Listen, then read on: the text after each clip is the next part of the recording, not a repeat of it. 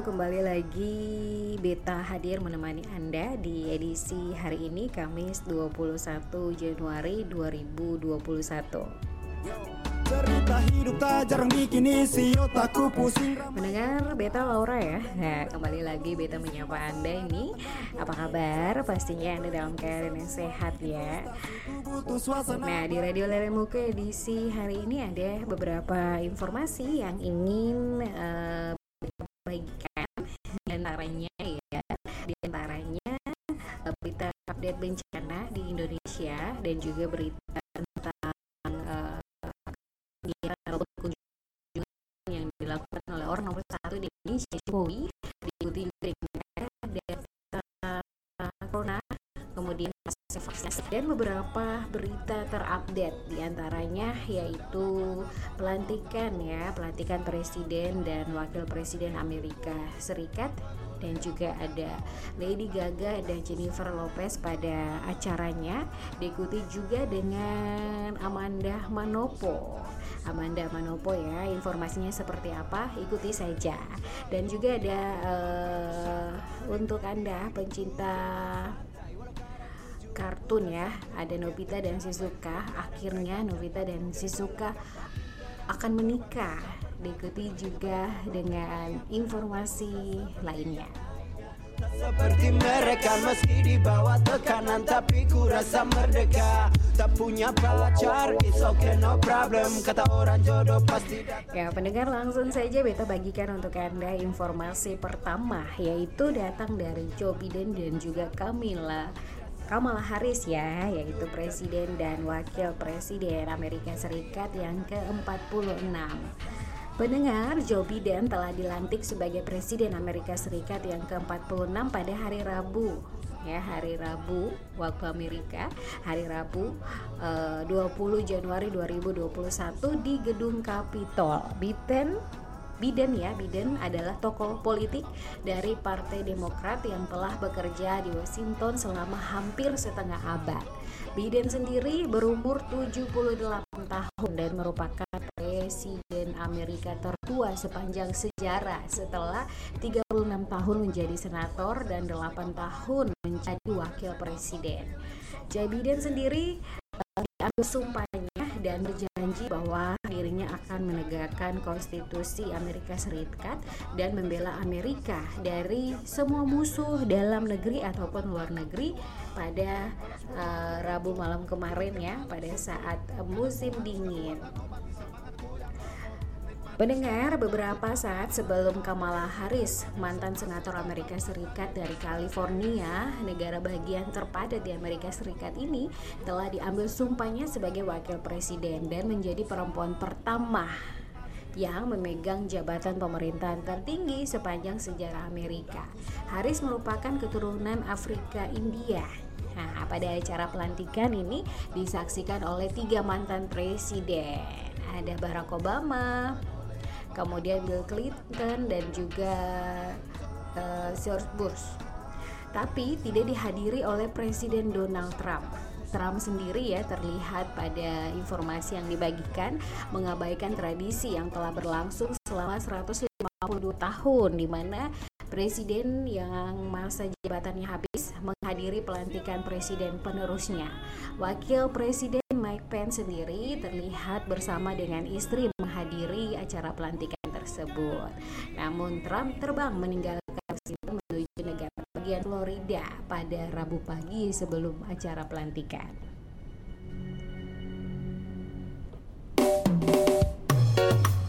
Oke, dan Pendengar pada acara pelantikan ya yang terlihat itu karena saat ini kan pandemi.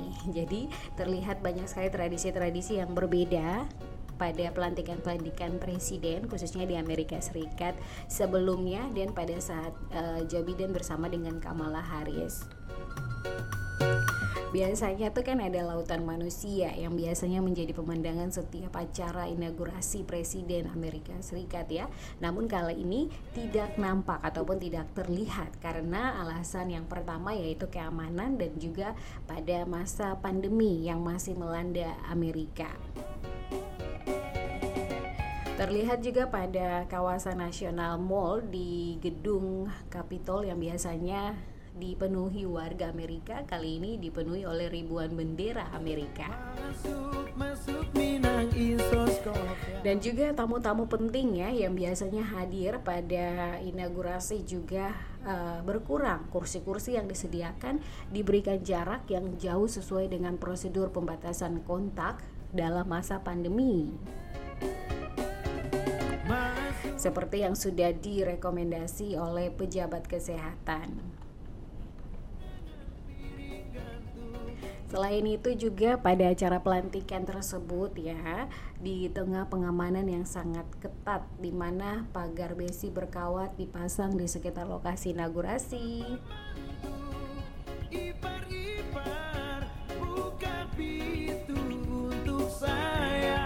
Terlihat sangat ketat sekali. Kenapa ya? Karena langkah tersebut diambil setelah adanya laporan intelijen menyebutkan bahwa ada beberapa dari pendukung Trump yang kecewa dan juga marah dengan hasil pemilu yang mungkin akan mencoba untuk mengganggu jalannya proses tersebut. Namun kalau kita saksikan ya pada inaugurasi itu prosesnya sangat berjalan dengan baik, kemudian juga hikmat ya. Kita terlihat uh, juga kita nonton juga uh, Beta nonton di situ pada saat inaugurasi ini prosesnya berjalan dengan teratur, kemudian juga terlihat uh, Joe Biden dan juga Kamala bersama masing-masing pasangan juga terlihat sangat hikmat ya, sangat hikmat mengikuti jalannya inaugurasi pada sampai pada saat pengambilan sumpah dan hingga pada acara akhir. Nah, terlihat uh, tadi pada acara pada acara inaugurasi ya. Nah, di situ kan ada penyanyi juga yang hadir. Ternyata ada Lady Gaga dan juga Jennifer Lopez yang memeriahkan pelantikan tersebut. Penyanyi Lady Gaga ini didaulat melantunkan lagu kebangsaan Amerika Serikat yaitu The Star Spangled Banner pada pelantikan Joe Biden sebagai presiden ke-46 dan juga Kamala Harris. Sebelum pelantikan terlihat dari beberapa cuitan, nah, beta kepo juga ya, beta lihat ataupun kepo atau ingin tahu ya, beta juga cari nih ternyata di Twitter asli dari Lady Gaga, nah, terlihat Lady Gaga nih ternyata dia sangat antusias sekali untuk bisa menjadi atau bisa mengisi pada acara pelantikan tersebut. Ya iyalah pasti antusias ya karena jadi sorotan dunia. Nah pada acara pelantikan itu sebelumnya Lady Gaga dia uh, menulis di media sosialnya yaitu di Twitter bahwa dirinya itu sangat merasa terhormat sekali untuk menyanyikan lagu kebangsaan Amerika Serikat pada acara pelantikan presiden. Dia juga menyebutkan pada cuitannya bahwa peristiwa itu merupakan satu upacara transisi dan momen perubahan dalam itu uh, postingan pertama ya kemudian postingan yang keduanya itu Lady Gaga juga uh, memaknai uh, pelantikan tersebut ya memaknai pelantikan presiden dan juga wakil presiden Amerika yang uh, baru. Uh, dia mengatakan ya dalam cuitannya di sini saya kutip saja ya beta kutip di sini dia bilang bahwa niat beta adalah untuk mengakui bahwa masa lalu kami kemudian menjadi penyembuhan untuk masa kini bahwa proses pelantikan itu sebagai mengakui masa lalu kemudian menjadi penyembuhan untuk masa kini dan uh, bersemangat untuk masa depan. Di mana dirinya ingin bekerja sama penuh kasih ataupun menjadi motivasi bagi sesama untuk mari ya bekerja dengan penuh kasih. Dan terakhir dia bilang bahwa uh, Beta akan bernyanyi untuk hati semua orang yang tinggal di tanah ini. Tanah ini maksudnya di Amerika.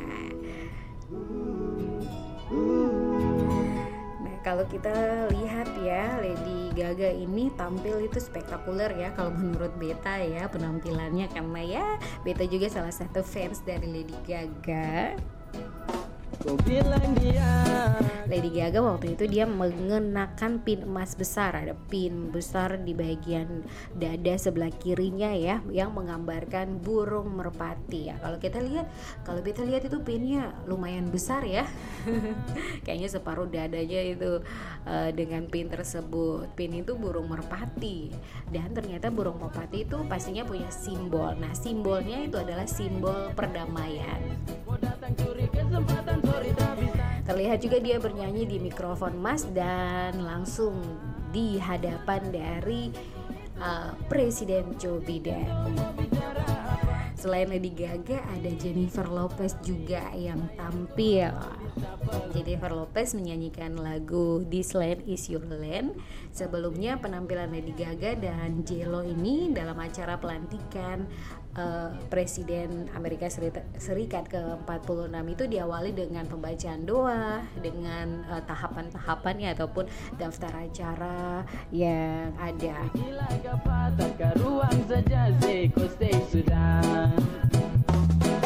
Bawa rupa Dia susah punya lewa. Mau cari gara-gara Yang setelan gila kadara. Kau datang cari apa di antara tong dua. Kalau mau bikin rusak mending say ke mana? Cukup kau lihat saja pasti kau semua ngerti. Ini tentang hati. Ya pendengar sebelum beta bagikan informasi berikutnya Amanda Manopo yang ternyata ya Amanda Manopo ini pernah uh, menikah dua kali katanya ya. Namun mengakhiri informasi tentang pelantikan Joe Biden dan Kamala Harris saya uh, membacakan ya postingan pertama di media sosial dari Presiden Amerika Serikat Joe Biden dan juga Kamala Harris Joe Biden pada postingan pertamanya di akun resmi ya Presiden Amerika ini menyebutkan bahwa ayo kita bekerja bersama. Dan Kamala Harris dengan menunjukkan foto dirinya bersama suami saat uh, berpelukan mengucap syukur itu di postingan tersebut lewat foto itu uh, dia mengatakan bahwa uh, pelantikan itu merupakan suatu kehormatan bahwa menjadi wakil presiden merupakan satu kehormatan untuk dirinya.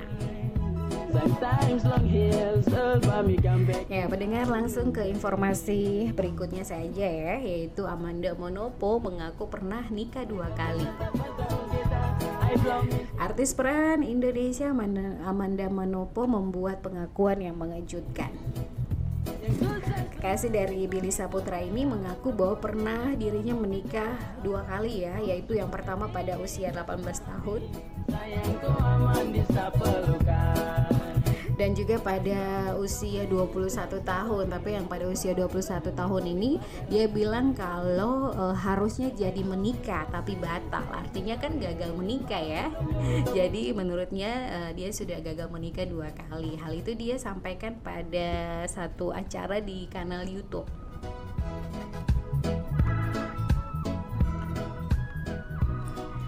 dan kemudian uh, Amanda mengakui bahwa dia ingin uh, membina dan juga siap ya. Walaupun kalau kalau dilihat Amanda ini masih muda ya.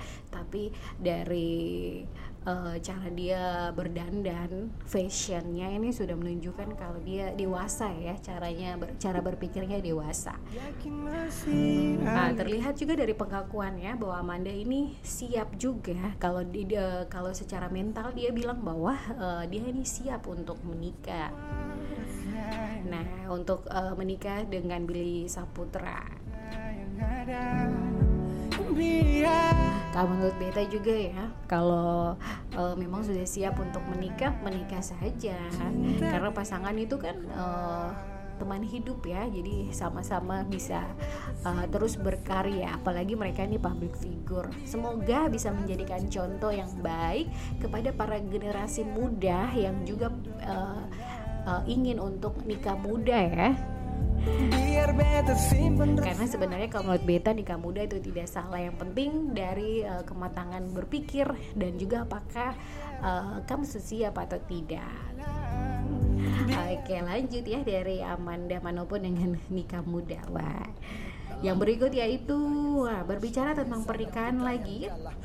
Kalau Amanda Manopo kan masih ancang-ancang tuh bagaimana dia mau menikah muda uh, untuk yang ketiga kalinya ya supaya tidak gagal dengan Billy Saputra. Nah kali ini sudah ada pasangan yang sudah dari dulu kalah. Wah dari dulu kalah. Saya beta ingat ya dari beta masih kecil-kecil, beta sudah nonton setiap beta pulang hari setiap hari Minggu ya. setiap hari Minggu pasti beta sudah siap di depan TV untuk nonton uh, dong dua saja yaitu uh, film Doraemon. Film kartun Doraemon. Nah pasti kamu juga suka nonton toh. Nah kali ini film ini ada uh, ada tingkatan terbaru. Yang tentunya sudah jadi ketemu punya impian dari kecil itu. Yaitu melihat Nobita dan juga Shizuka menikah. Ternyata nanti di uh, depo film yang terbaru ini pernikahan Nobita dan Shizuka ini mengharukan penggemar. Kenapa? Karena akhirnya mereka menikah ya. Khusus untuk Anda penggemar film kartun Doraemon asal Jepang, nah, pernikahan Nobita dan Shizuka sejak uh, November. Namun untuk penggemar di seluruh dunia sama dengan Beta, nah ini adalah kabar yang sangat mengembirakan sekali. Karena terlihat dari film uh, dari cuplikan poster film tersebut yang dengan judulnya Stand By Me Doraemon yang kedua. Jadi bukan Stand By Me Doraemon yang pertama kan sudah lewat tuh. Nah sekarang yang kedua. Jadi sudah ada uh, Stand By Me Doraemon yang kedua. Ini memperlihatkan Nobita dan Shizuka berpakaian pengantin dan Doraemon yang berkaca-kaca. Sukses buat penggemar di seluruh dunia terharu. Kenapa tidak? Karena perjalanan dari kucing ajaib dari masa depan untuk membantu Nobita itu seperti sudah mencapai akhir. Waduh, sedih ya kalau bilang Doraemon bantuan Doraemon tuh uh, putus sampai di situ. Karena impian ya, impian semua orang itu selalu ada makhluk ajaib seperti Doraemon kucing ajaib yang bisa kasih dia punya kantong ajaib ya untuk bisa menjawab semua impian-impian semua orang. Biar beta simpan rasa ini. Biar beta rasa cinta sendiri. Biar jadi untuk kamu semua yang ingin nonton film ini nah film ini nanti dimulai pada tanggal 10 Februari 2021 sedangkan itu untuk di Taiwan ya nanti di Taiwan diputar untuk perdananya pada tanggal 10 Februari. Sedangkan untuk di Thailand itu akan mendapatkan jatah putarnya itu pada tanggal 13 April. Cinta yang ada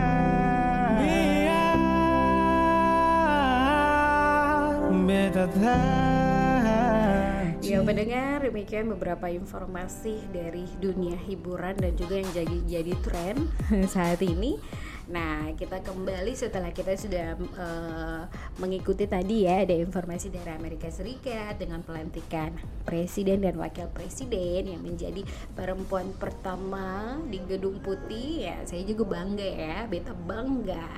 Nah sebelumnya uh, Beta hadirkan satu nomor lagu untuk kamu semua. Dan setelah itu berita dari tanah air terkait dengan informasi update bencana di Indonesia juga beberapa aktivitas dari Presiden Jokowi dalam dua hari terakhir diikuti dengan informasi lainnya jadi kamu jangan ke mana-mana ya pastinya kamu harus tetap uh, ada bersama dengan Beta di sini di Radio Lele Muku.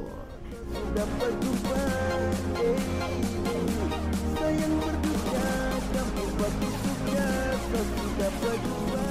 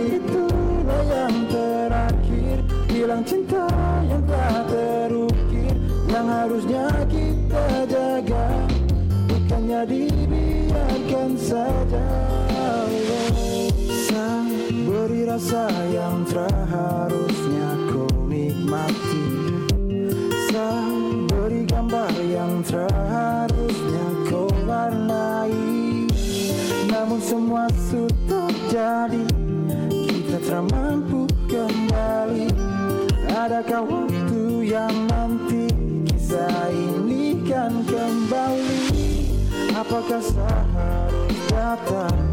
Sedangkan takdir sulara Apakah seharus juang Walau takdir pun tak hilang? Andaikan saja kau paham Semua yang pernah saya Tentang rasa ini Hanya kaulah yang milik Kenapa bolehlah sayang Lupakan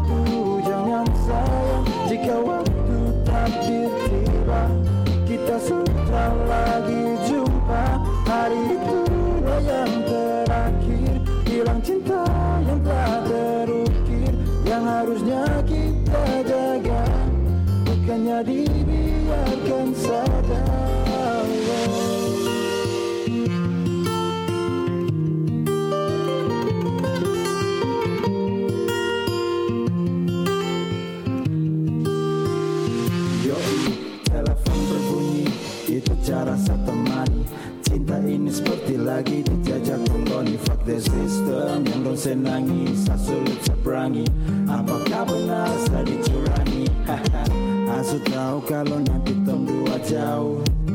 Asu tahu nanti pasti kau teramau Mendengar masih bersama Beta Laura menemani aktivitas Anda di edisi hari ini masih dengan Radio Lele Muku. Nah, informasi berikut untuk kamu semua dari tanah air ya, dari negeri tercinta kita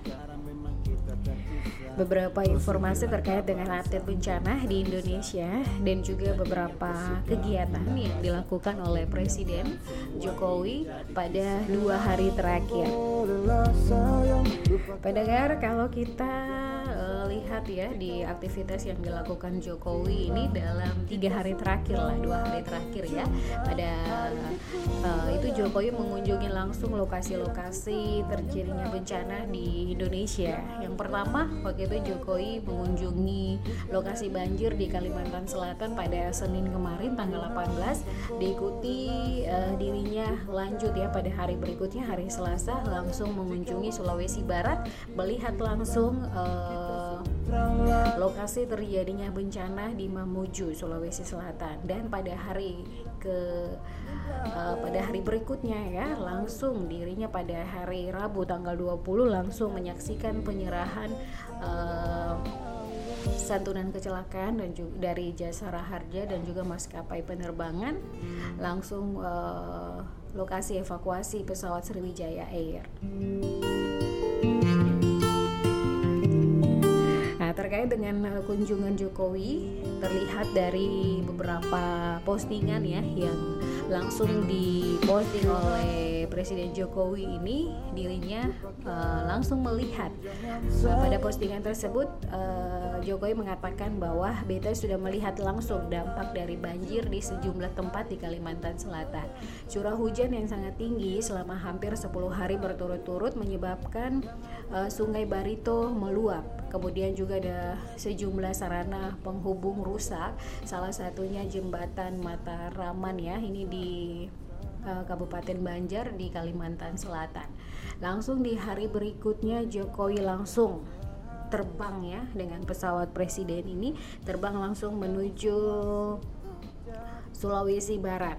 Nah, pada postingannya Jokowi mengatakan bahwa Sulawesi Barat ini diguncang gempa bumi beberapa hari lalu yang telah menimbulkan kerusakan rumah-rumah warga dan sarana umum serta menimbulkan korban jiwa.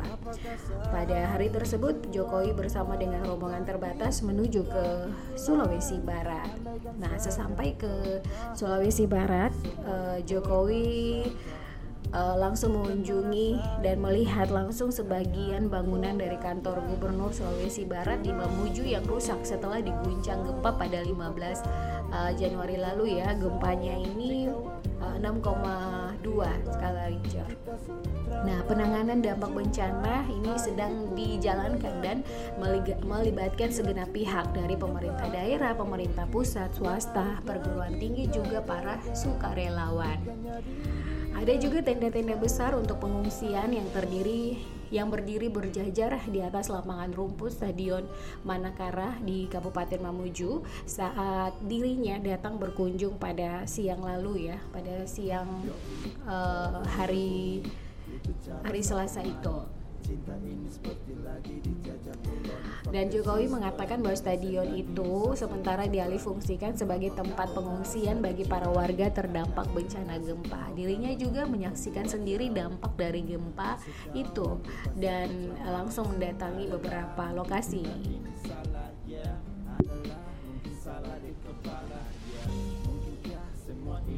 Dan Jokowi juga terlihat berpose menunjukkan fotonya ya fotonya foto kegiatan kunjungan itu saat berdiri tepat di atas reruntuhan salah satu rumah yang rusak pada saat gempa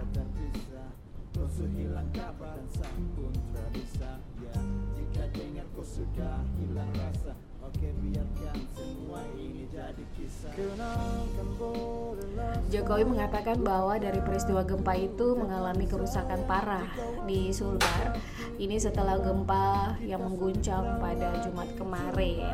Nah, selepas dari itu, Jokowi tidak hanya sampai di situ saja. Jokowi juga terlihat langsung mengunjungi lokasi evakuasi dari pesawat jatuhnya pesawat Sriwijaya di Pelabuhan Tanjung Priuk pada Rabu 20 Januari kemarin. Terlihat Jokowi berdiri dekat serpihan-serpihan besar dan kecil dari badan pesawat Sriwijaya Air ini yang masih terhampar di pelataran dermaga dari Pelabuhan Tanjung Priuk. Dermaga ini dijadikan sebagai posko darurat evakuasi oleh tim SAR gabungan sejak musibah jatuhnya pesawat pada tanggal 9 Januari.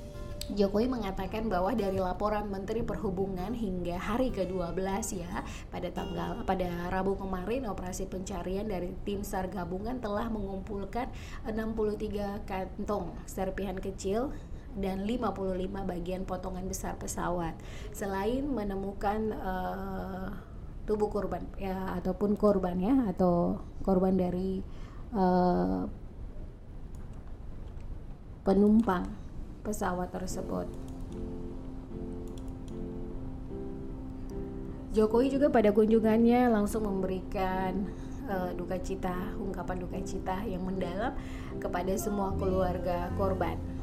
Uh, dirinya berharap dan mendoakan semoga diberikan keikhlasan dan kesabaran dan langsung meminta pihak Jasara Harja dan pihak maskapai ya Sriwijaya Air segera menyelesaikan santunan untuk seluruh korban dan penumpang melalui para ahli waris.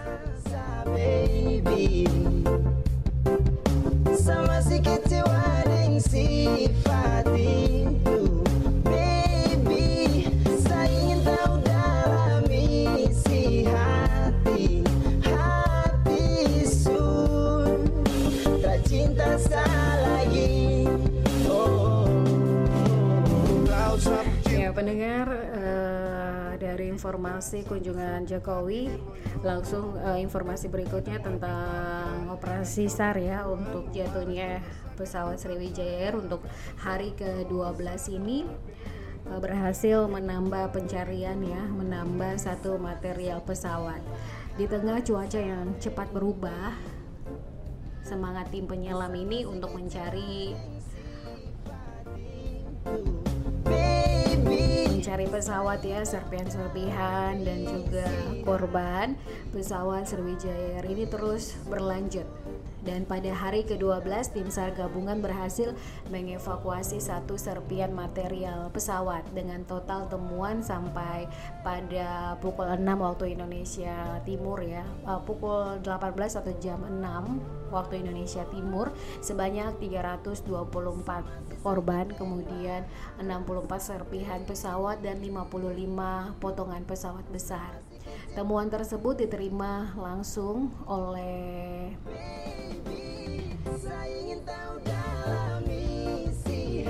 oleh tim ya. Kemudian Sementara tim permukaan air tetap melakukan penyapuan pada enam sektor. Tim darat juga melaksanakan penyisiran di bibir pantai sepanjang kawasan Kepulauan Seribu. Pada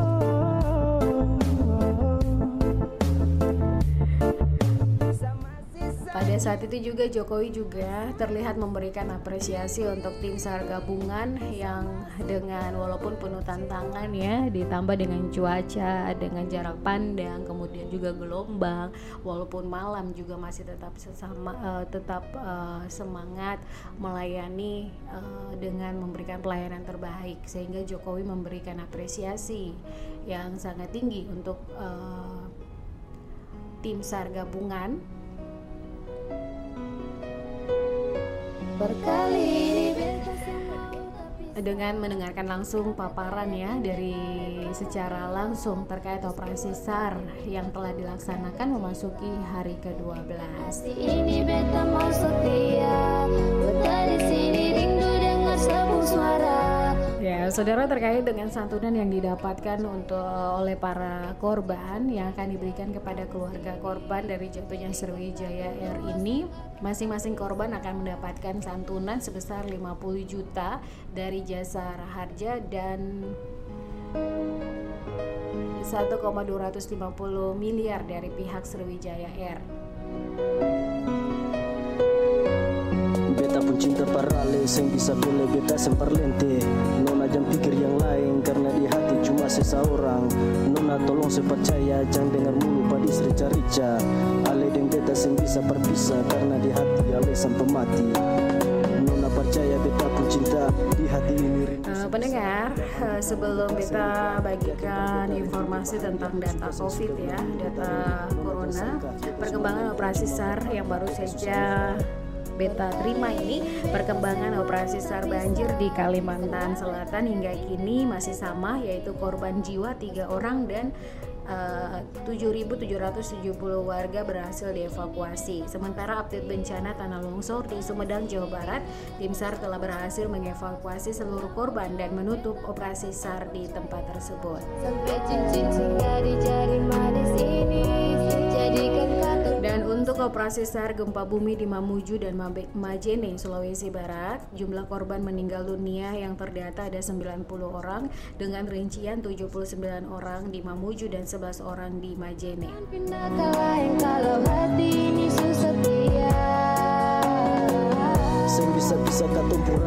Pendengar perkembangan COVID-19 ya, virus corona untuk Rabu ya, terakhir Rabu 20 Januari 2021 ini bertambah 12.000 pada satu hari uh, bertambah 12.568 orang yang positif sehingga jumlahnya sekitar 939.948 diikuti uh, pasien sembuh bertambah 9.755 dengan total jumlah 763.703 dan yang meninggal dunia bertambah 268 orang sehingga total jumlahnya yaitu 26.887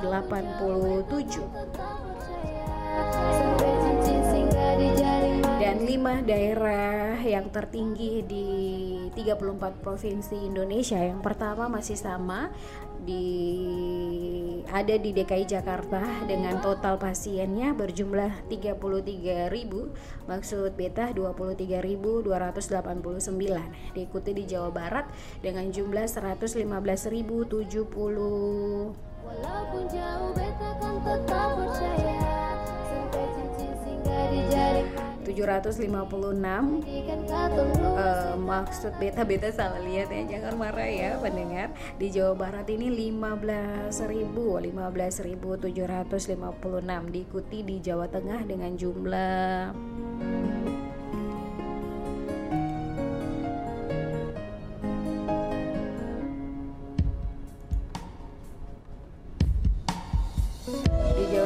dengan jumlah 106.076 Jawa Timur dengan jumlah 101 101.000 101.197 dan posisi kelima dari Sulawesi Selatan. Tertinggi COVID di Sulawesi Selatan dengan jumlah 46.350 355 Sebikin beta tunggu Beta sing sabar Masih di sini Beta masih setia Pendengar, selepas dari data virus corona, nah yang berikutnya yaitu vaksinasi. Pasca vaksinasi secara nasional yang dilakukan pada tanggal 20 eh, pada tanggal 13 Januari ya. Pada 13 Januari ini ternyata mengisahkan banyak tanggapan dari masyarakat. Masih saja ada masyarakat yang masih belum percaya ya dengan dampak ataupun efek dari vaksin yang diberikan ini. Yang disampaikan oleh para uh, yang divaksin ini termasuk Jokowi juga terlihat ada Raffi Ahmad dan juga ada Ariel Noah dan tokoh-tokoh lainnya mengatakan bahwa dampak yang dirasakan pada saat pasca vaksinasi yaitu kebanyakan hanya pegal, kemudian ada rasa lapar dan juga mengantuk. Nah, pemerintah telah berkomitmen memberikan vaksin COVID-19 secara gratis demi memulihkan kesehatan nasional akibat hantaman pandemi. Namun niat baik yang sudah dilakukan pemerintah ini masih saja menuai beberapa penolakan pada program vaksinasi. Ada masyarakat yang masih meragukan dan menunjukkan rasa takut khususnya terkait dengan uh, kejadian ikutan ya pasca imunisasi atau KIPI. Berdasarkan peraturan Menteri Kesehatan nomor 12 tahun 2017 juga dijelaskan penyelenggara imunisasi bahwa kejadian medik yang terjadi setelah imunisasi ini menjadi perhatian dan diduga berhubungan dengan imunisasi. Dokter uh, Muhammad Fajri selaku dokter dan tim penangan dari COVID juga mengatakan ya pada saat dirinya divaksin dosis pertama pada saat itu dia merasakan reaksi aneh. Dia tidak merasakan uh, reaksi aneh atau biasa saja ya menurutnya.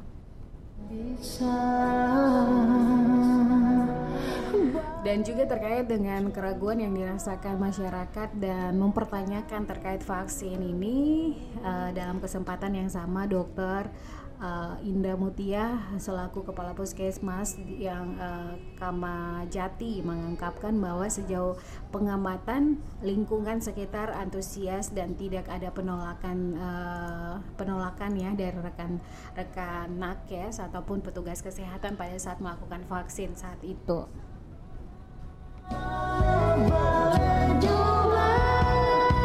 Dari Satgas Covid meminta seluruh masyarakat untuk jangan mendengarkan berita tidak benar atau berita bohong ya yang disebut dengan hoax itu.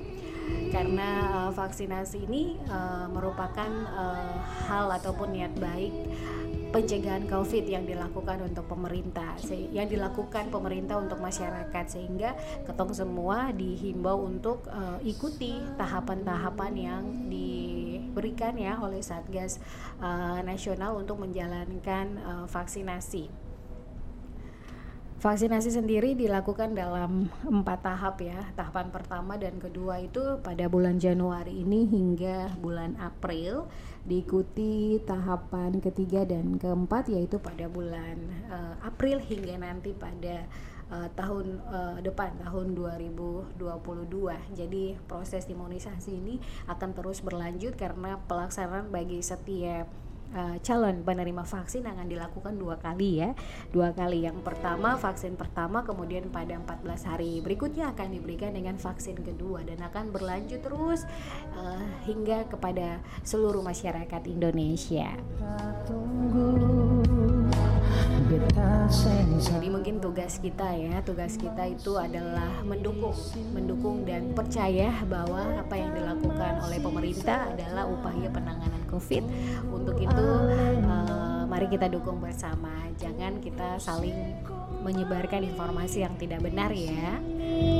Karena dari Bapak Presiden sendiri waktu saat divaksin ya sudah mengatakan bahwa vaksin tersebut tidak ada kejadian ikutan yang sampai uh, harus membuat panik ya. Kalau rasa pegal-pegal efek disuntik oleh jarum wajar ya. Tapi sampai hal-hal kejadian-kejadian yang luar biasa dari kesaksian ya ataupun yang diungkapkan oleh para eh, orang-orang uh, yang sudah divaksin ini sama sekali tidak ada efek samping yang membahagia, membahayakan. Ya pendengar uh, Radio Lele Buku demikian sudah beberapa informasi yang sudah beta bagikan untuk Anda di edisi hari ini Kamis 21 Januari 2021. Sampai jumpa di informasi lainnya yang akan kami bagikan di uh, Radio Lele Buku edisi berikutnya. Beta Laura, sampai jumpa. Tabea. bisa obati rasa